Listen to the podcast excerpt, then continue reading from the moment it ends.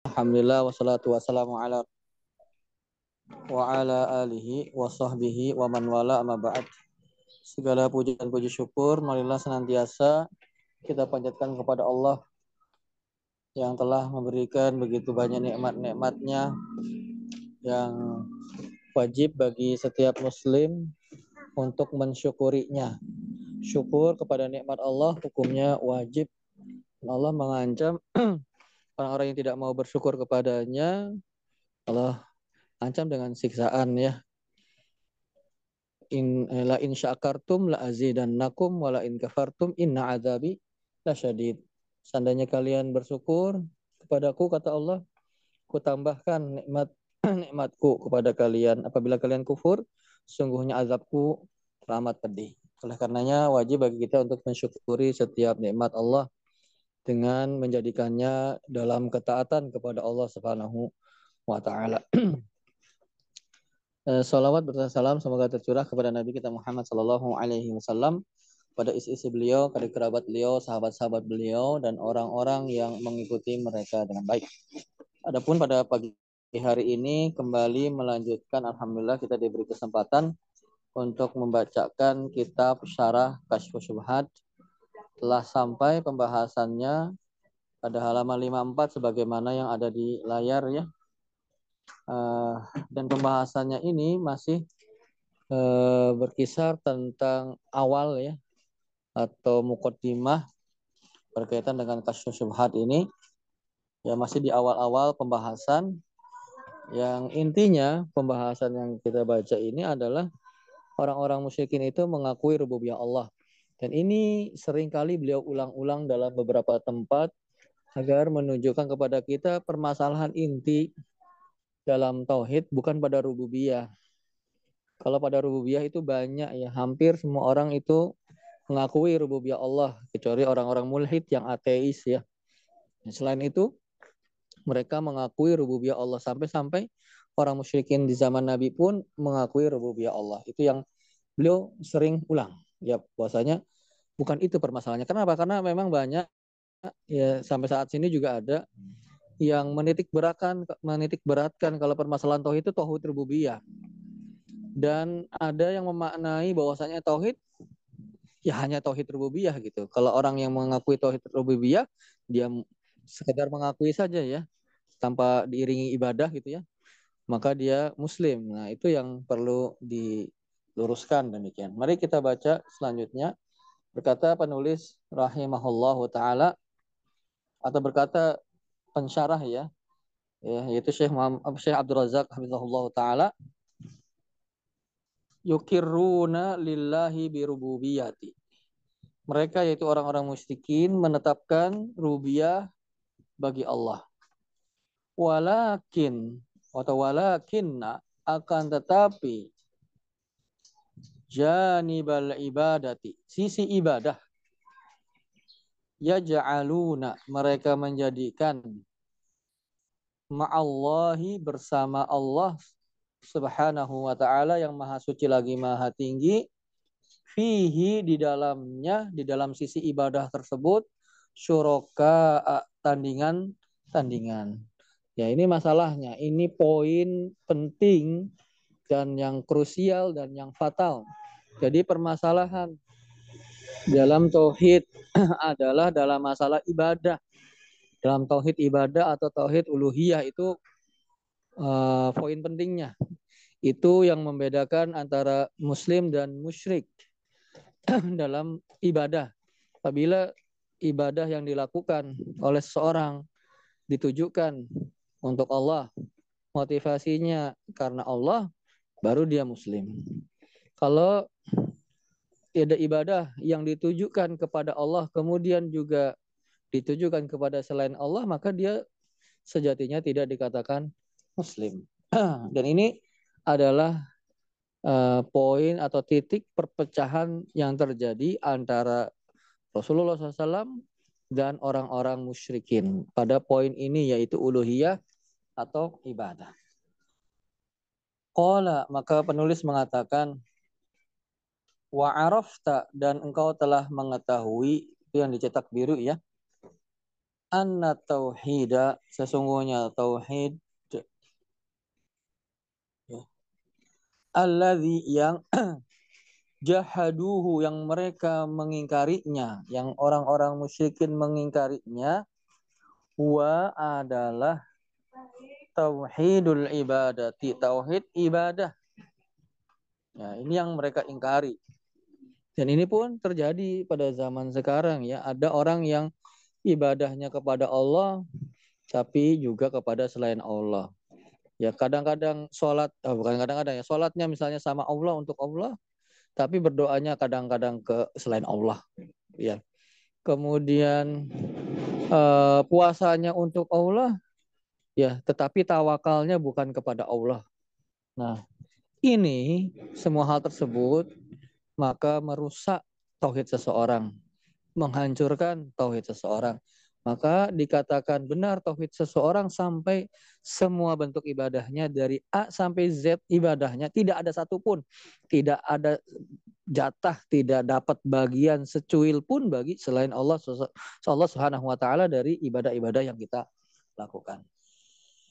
Alladzi kita lanjutkan alladzi yang yusammihi yang dinamakan al musyrikuna oleh orang-orang musyrikin. Fi zamanina pada zaman kita ini zamannya Syekh Muhammad Abdul Wahab ya berarti buat keberapa itu ya? Ratusan tahun sebelum ini ya. Mereka menamakannya al-i'tiqada yaitu i'tiqad keyakinan faith itu ya faith keep the faith ya. Keep the faith itu apa? Wah, bukan ya.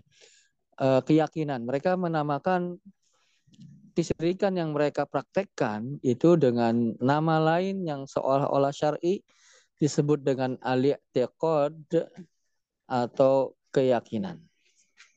Ya. Maksudnya apa keyakinan? Padahal uh, esensinya sih syirik gitu ya, tapi kemasannya adalah namanya i'tiqad. Itu ya kita temui kan banyak seperti itu ya, telah dibahas ya.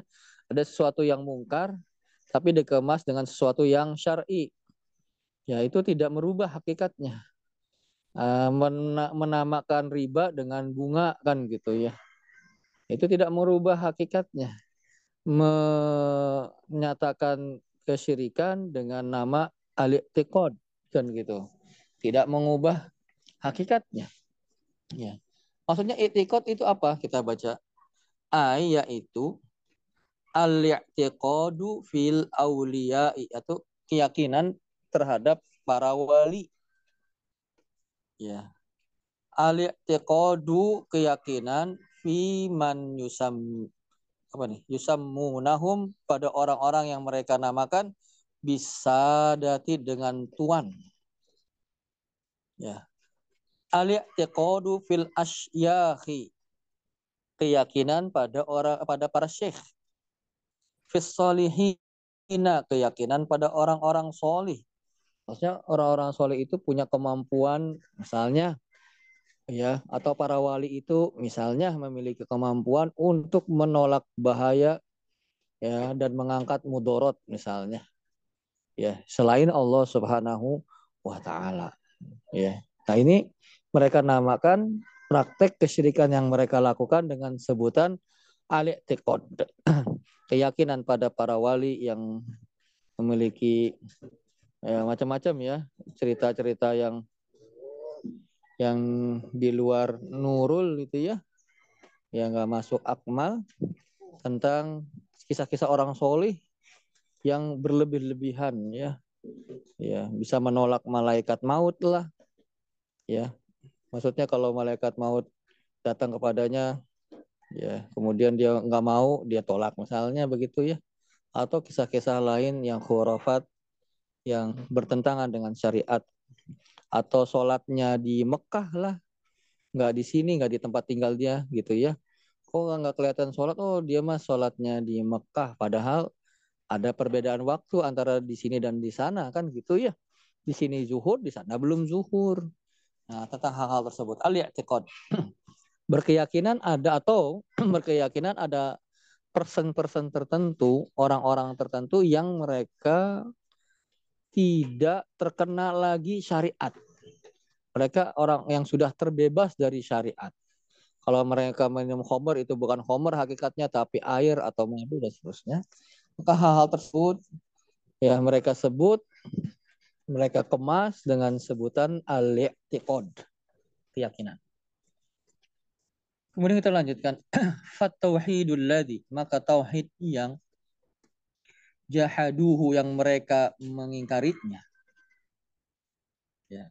Ai yaitu jahadahul musyrikuna yang orang-orang musyrikin itu mengingkarinya menentangnya ya huwa adalah tauhidul ibadati adalah tauhid ibadah alladzi yang yusammihil musyrikun fi zamanina yang menamakannya orang-orang musyrikin di zaman kita adalah al-i'tiqad keyakinan. Ya. Nah, ini justru tadi yang kita katakan adalah titik silang ya perselisihan antara Rasulullah SAW dengan kaum musyrikin. Pada titik ini, pada peribadahan. Ya, tadi al-i'tiqad itu me, kemudian berimbas kepada dilakukannya peribadahan kepada orang-orang atau pihak-pihak tertentu ya. Karena berkeyakinan suatu yang luar biasa tadi akhirnya mereka diibadahi. Dan itu biasa terjadi pada orang-orang dulu juga begitu ya. Ketika mereka menemukan sesuatu yang di luar kebiasaan atau mendapatkan orang yang sangat solih, akhirnya masuk lewat celah ini setan menggoda manusia untuk berbuat ya yang dilarang oleh Allah di antaranya mensekutukan Allah yang puncaknya ya.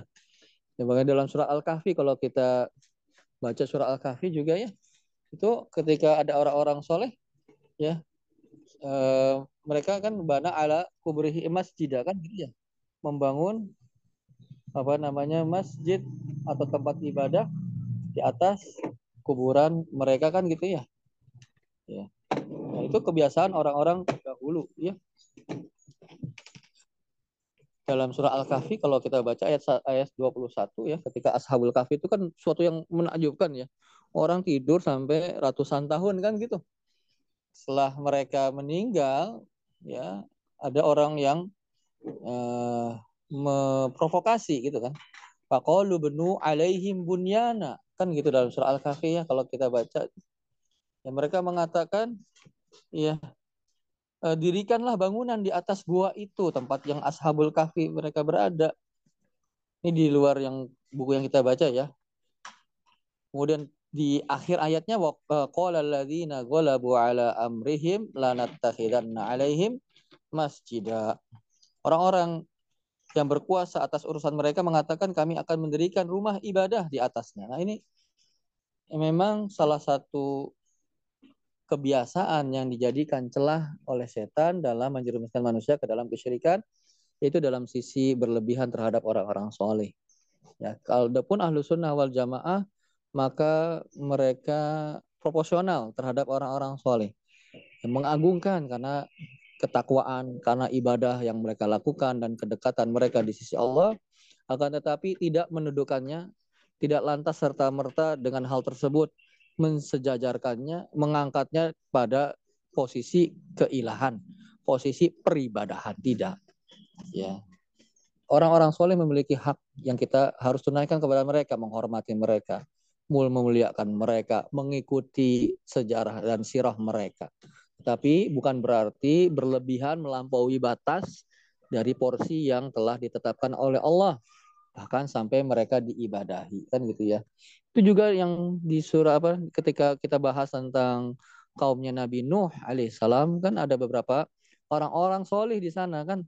Akhirnya berlebihan kaum Nabi Nuh alaihissalam hanya sampai dibuat monumen monumen apa monumennya atau sebagai simbol dari orang-orang soleh itu ya tahu apa namanya dalam surat apa itu la tadarunna alihatakum wa la tadarunna wadda wa la suwa'a wa la yagusa wa ya'uqa wa nasra. Mereka itu adalah orang-orang soleh tadi yang disebutkan. La, nama wadda, yagus, su'a, suat dan seterusnya tadi adalah orang-orang soleh. Nah, ini pun terjadi sampai saat ini ya. Jadi bentuk kesirikan seperti itu sudah terjadi dari zaman dulu sampai sekarang. Ya, memiliki keyakinan terhadap orang-orang soleh, para wali, para syekh, para alim gitu ya, tapi melampaui batasnya. Nah, itu disebut oleh mereka dalam rangka menutupi dan mengemasi apa yang mereka lakukan ya agar orang itu tidak lari dan tertarik kepadanya atau minimal tidak mengusiknya adalah dengan sebutan ali i'tiqad. Baik, kita lanjutkan kembali pembacaannya.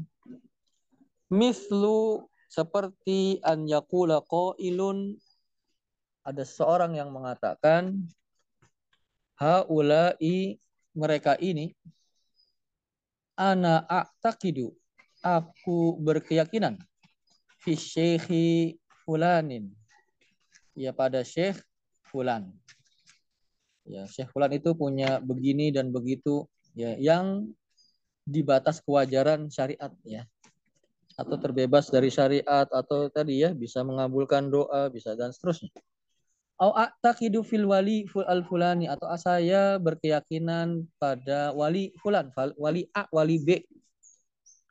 Au a'taqidu fis sayyidil fulani atau saya memiliki keyakinan pada tuan fulan.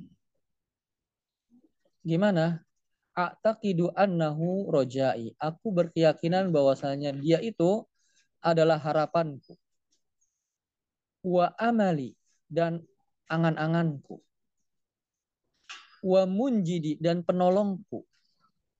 Wa munkidhi juga sama ya ini sinonim ya munkid munjid dan apa penolong ya sinonim penolong lah ya wasyafi'i dan pemberi syafaat kepadaku syafaat juga sama pertolong memberikan pertolongan wawasitoti dan perantaraku. Ya perantara antara diriku dengan Allah. Ya sehingga aku beribadah kepadanya kan gitu ya.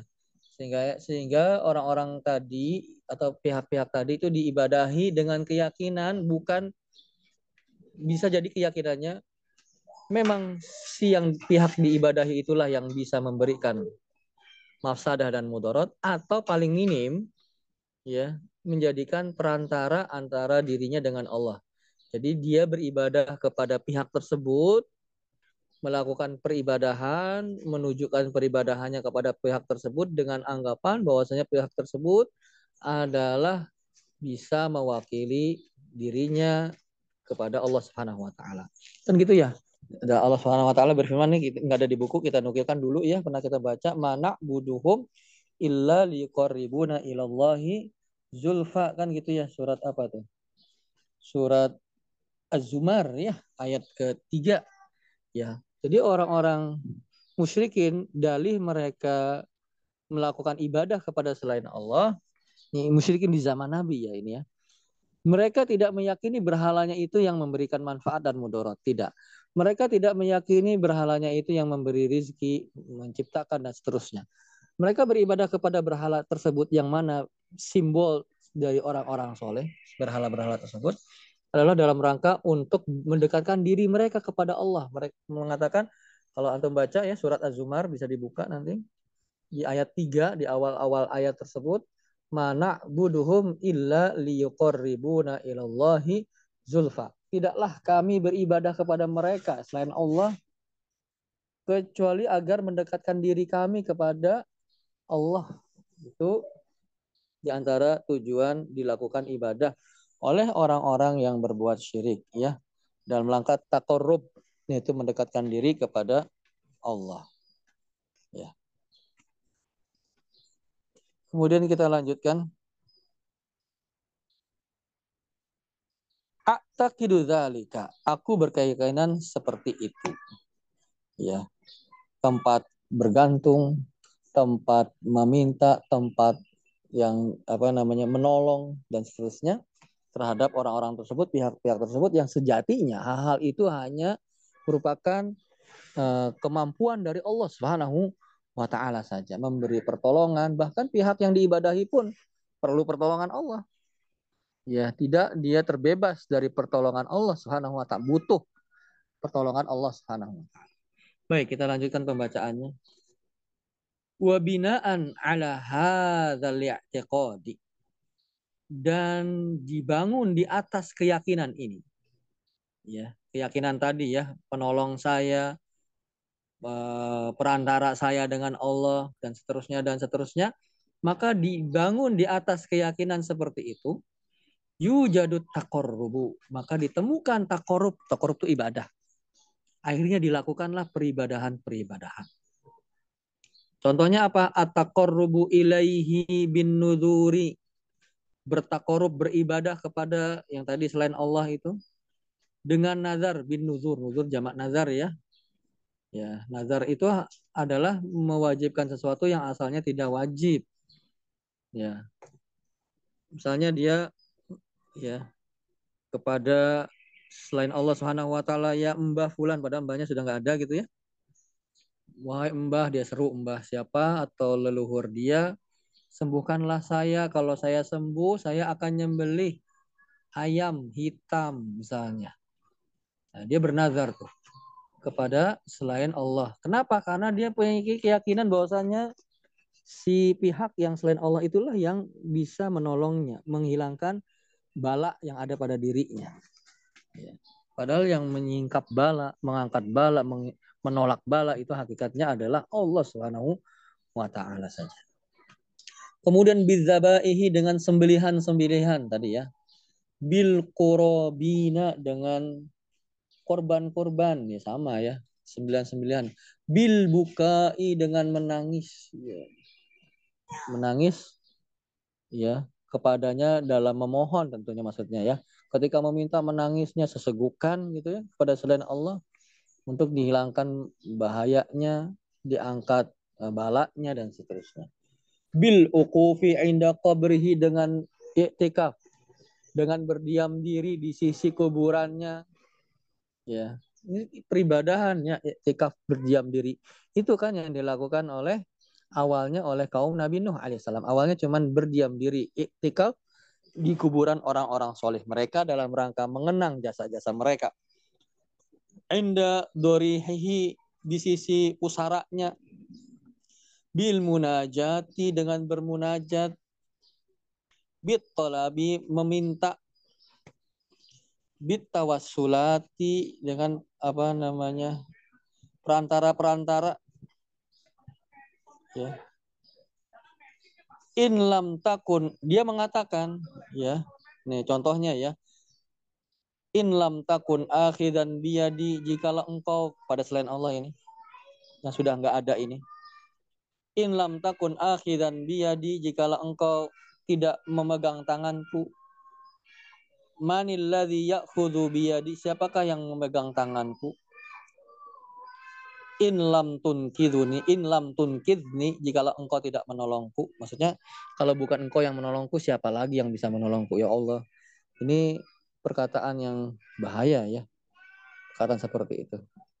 Ya bahwasanya yang maha menolong ya adalah Allah Subhanahu wa taala saja. Tabda'u hadhil umur dia memulai permintaannya dengan hal-hal tersebut. Alati yang tarot taba yang berkonsekuensi ala hadzal i'tiqadi. Dari i'tiqad atau keyakinan ini. Akhirnya dari i'tiqad atau keyakinan dia yang berlebih-lebihan ya sehingga melakukan hal-hal kesyirikan misalnya mengucapkan hal-hal yang berbau kesyirikan misalnya mempraktekkan amalan-amalan yang kental dengan kesyirikan misalnya tadi menyembelih dan seterusnya bernazar dan seterusnya. Ya. Disebabkan awal mulanya pemicunya adalah al-i'tiqad, keyakinan mereka yang berlebih-lebihan terhadap pihak-pihak yang selain Allah Subhanahu wa taala. Tabda'u hadhil umur allati tarattaba ala hadzal i'tiqadi mereka uh, memulai dengan hal-hal ini yang berkonsekuensi dari keyakinan yang mereka miliki maksudnya. Alladhi yusammihil musyrikuna fi zamanina al-i'tiqad yang dinamakan oleh musyrikin di zaman kami, bagi zaman kita adalah dengan sebutan al-i'tiqad. Kok balik lagi kayaknya? Diulang lagi kayaknya ya. Ai al-i'tiqadu fil awliya yaitu keyakinan pada orang-orang eh, pada wali-wali apa awisadati atau pada tuan-tuan aw au fil makburina atau pada orang-orang yang dikubur yang sudah meninggal au fil adrihah atau pada pusara-pusara tertentu au nahwi dzalika atau yang sebagainya walladzi yubna alaihi dan yang dibangun di atasnya yang dibangun atau maksudnya yang timbul setelah ada keyakinan terhadap orang-orang tersebut walladzi yubna alaihi anwa'ut taqarrubati akhirnya dibangun di atasnya bermacam-macam bentuk ibadah takorrub. Ya. Kama kanu yad'una Allah lailan wa naharon. Sebagaimana yang mereka beribadah kepada Allah siang dan malam. Mereka mengibadahi akhirnya. Awal mulanya dari iktikad, dari keyakinan ini, kemudian berimbas kepada dilakukannya takorubat, dilakukannya peribadahan-peribadahan sebagaimana Allah diibadahi oleh mereka siang dan malam. Ya. Qauluhu perkataan beliau Syekh Muhammad bin Abdul Wahab kama kanu ya yad'una Allah lailan wa naharon sebagaimana mereka itu beribadah kepada Allah siang dan malam, eh, malam dan siang. Karena yad'un kenapa diterjemahkan beribadah? Karena yad'una artinya kan bisa menyeru, bisa berdoa, dan kita ketahui doa itu ada dua macam. Ada namanya doa masalah, doa meminta seperti ucapan kita ketika kita berdoa kepada Allah, ya Allah berilah saya rezeki yang halal dan seterusnya itu disebut dengan doa masalah. Ada yang disebut juga doa ibadah. Doa ibadah adalah semua ibadah yang kita lakukan. Jadi ini yang dimaksud adalah sebagaimana yang mereka beribadah kepada Allah siang dan malam siapa ai al musyrikin yaitu orang-orang musyrikin alladzina bu'itsa fihim yang diutus di tengah-tengah mereka sallallahu alaihi wasallam Nabi sallallahu alaihi wasallam kanu yad'una Allah lailan wa nahara mereka beribadah kepada Allah pada waktu malam dan siang ay yaitu minal a'mali dari amalan-amalan allati yang yakumu nabiha yang mereka lakukan. Koma bi artinya fa'ala ya, melakukan.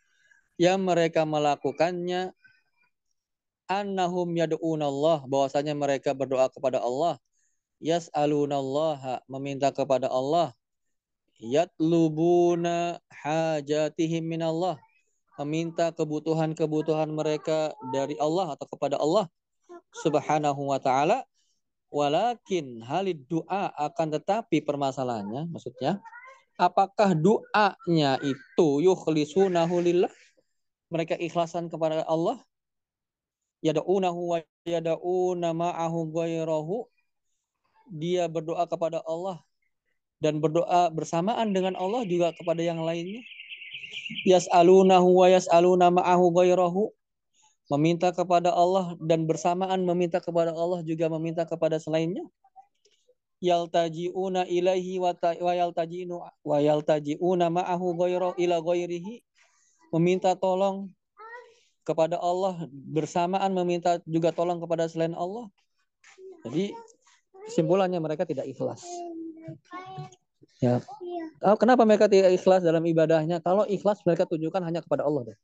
Wa ma umiru illa liya'budullaha mukhlishina lahuddin. Tidaklah mereka diperintah bahkan orang-orang ahlul kitab saja, bukan orang muslim saja, orang ahlul kitab saja diperintah oleh Allah. Nah, ayat ini surat Al-Bayyinah itu ber, kalau kita baca dari awal suratnya itu berbicara konteksnya tentang ahlul kitab. Wa ma umiru tidaklah mereka yaitu ahlul kitab diperintahkan illa liya'budullaha mukhlishina lahuddin. Tidak ada dalam buku kita ya, kita tambahkan maksudnya. Tidaklah mereka itu diperintahkan melainkan hanya agar mengikhlaskan agama ini untuk Allah. Jadi hatta sampai-sampai orang ahlul kitab saja diperintahkan oleh Allah untuk ikhlas, apalagi orang muslim. Jadi kalau ikhlas itu berarti kan murni ya. Ikhlas itu artinya murni. Ya steril ya. Ya, mensterilkan, memurnikan peribadahan hanya untuk Allah itu baru ikhlas. Ya ketika seseorang itu berdoa kepada Allah juga di saat yang lain berdoa kepada selain Allah itu namanya bukan ikhlas dalam berdoa. Maka hal ini ya dilakukan oleh orang-orang musyrikin di zaman Nabi SAW. Jadi permasalahan inti kenapa kok terjadi perseteruan per apa perhelatan yang sangat hebat antara orang-orang musyrikin dengan dengan Nabi SAW padahal orang musyrikin mengakui Allah itu ada, Allah Maha Pencipta, Allah Maha Pemberi rizki, Allah menghidupkan, Allah dan mematikan adalah kenapa? Karena dalam hal peribadahan. Ya, jadi Rasulullah dan SAW dan para sahabat itu diperintahkan oleh Allah agar mengajak manusia hanya beribadah kepada Allah Subhanahu wa taala saja. Ya. Sedangkan orang-orang musyrikin mereka melakukan peribadahan kepada Allah juga peribadahan kepada selain Allah. Nah, inilah titik krusial ya tentang permasalahan tauhid itu di situ. Bukan di permasalahan rububiyah, tapi tauhid yang krusial permasalahannya adalah di dalam ibadah peribadahan. Jadi ya, apabila orang yang mengakui rububiyah Allah harusnya atau mengharuskan dia untuk mentauhidkan Allah dalam uluhiyah. Ya. Sebagaimana dalam surah Al-Baqarah ya. Ya, ya ayuhan nasu budu rabbakumul rabbakum alladzi khalaqakum walladzina min qablikum. Eh gimana sih? Eh, ayatnya ya ayuhan nasu budu rabbakumul alladzi khalaqakum walladzina min qablikum. Gimana? Kita jadi ragu saya. Ya, wa budu rabbakum. Sebentar ya, kita cek ya. Khawatir salah.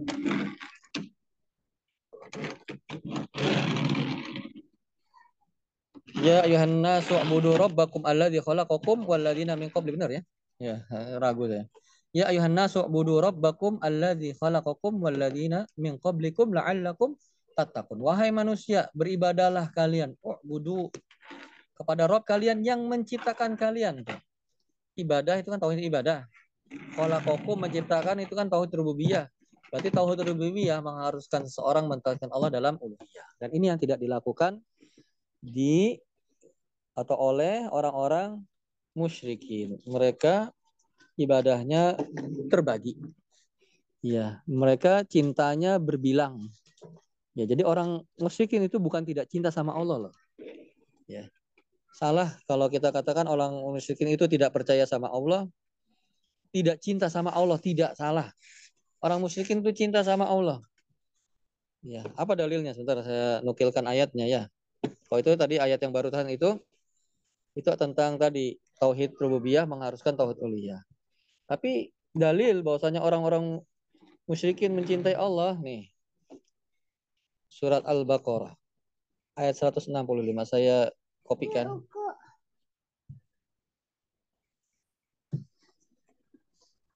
Apa sayang? Buka.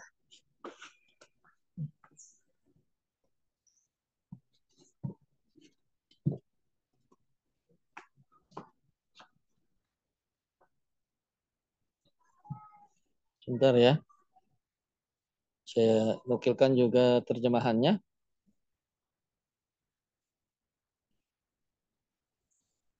Nih, bukti bahwasanya orang-orang musyrikin pun mencintai Allah. Wa minan nas dan di antara manusia mayat takhidu min dunillah ada yang menjadikan selain Allah anda ada tandingan-tandingan. Orang yang menjadikan tandingan selain Allah kan orang musyrik. Ya. Yuhibbunahum. Mereka ini sebagian manusia tadi mencintai tandingan-tandingan tadi. Tahubillah seperti mencintai Allah tuh. Orang musyrikin mereka mencintai Allah. Bukan tidak mencintai Allah. Tuh. Tetapi apa? Kecintaan mereka kepada Allah itu berbilang. Mereka cinta kepada selain Allah, maksudnya ibadah yang dilakukan ya kepada selain Allah, mereka mencintai pihak-pihak tersebut. Juga bersamaan itu mereka mencintai Allah, tapi Allah sebut orang ini adalah orang-orang yang musyrik diancam oleh Allah Subhanahu wa taala. Kalau kita lanjutkan ayatnya ya. Wa minan nasi may yattakhidhu min dunillahi andada yuhibbunahum ka hubbillah.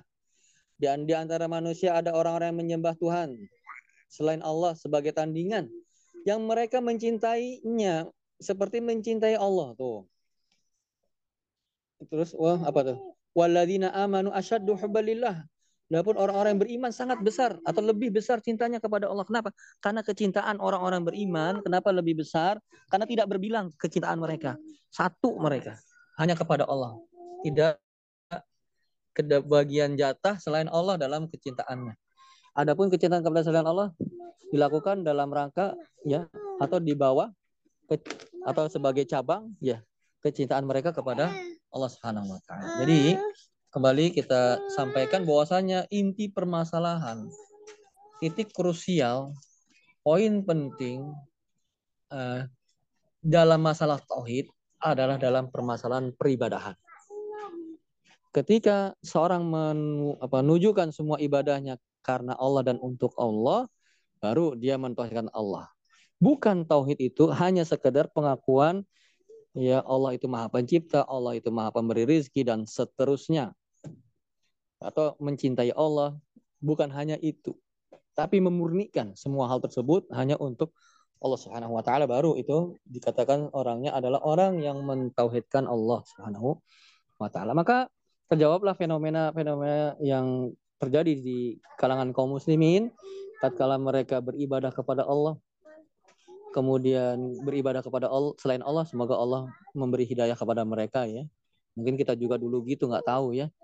Ya, Ya, oleh karena itu penting kita untuk mendakwahkan tauhid karena itu.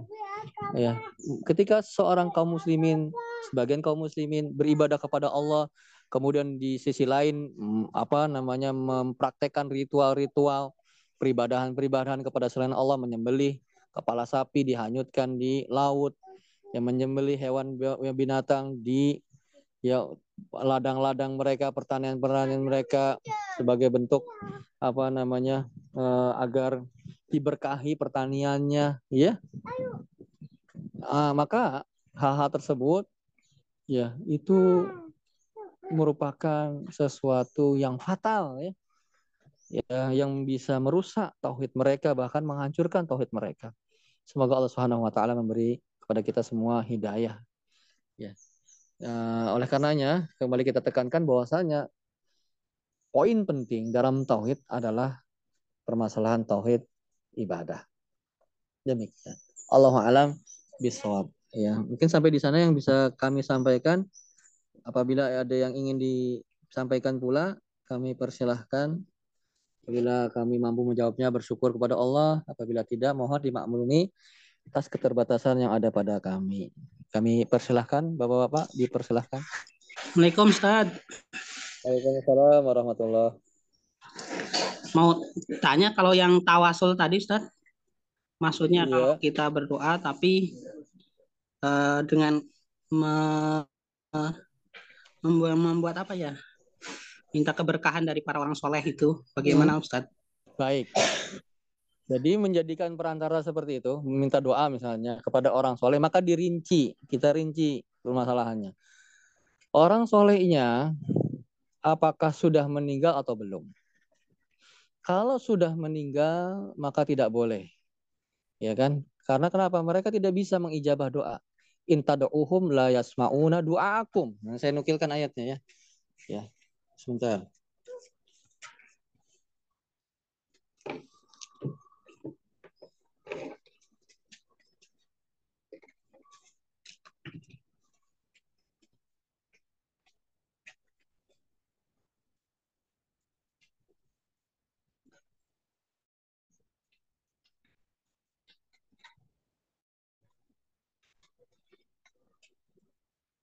Bentar ya. Yakuruna bisyirkikum. Mm -mm.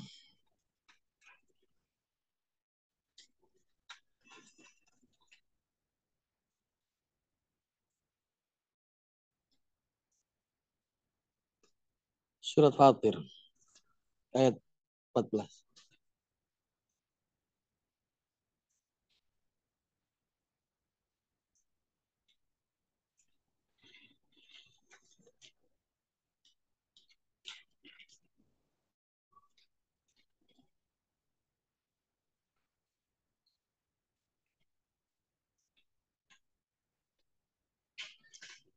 In tad'uhum la yasma'u du'aakum. Seandainya kalian menyeru mereka, berdoa kepada mereka, la yasma'u du'aakum.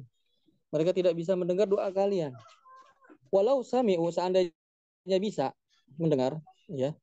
Mas saja bulaku mereka tidak bisa mengijabah memperkenan doa-doa kalian jadi kalau sudah meninggal orang-orang soleh tersebut maka bukan kita meminta doa kepadanya tetapi kita mendoakannya ya disyariatkan walaupun orang soleh orang soleh kan nama namanya juga orang ya. Se, sesoleh solehnya orang pasti pernah melakukan kesalahan kan gitu ya.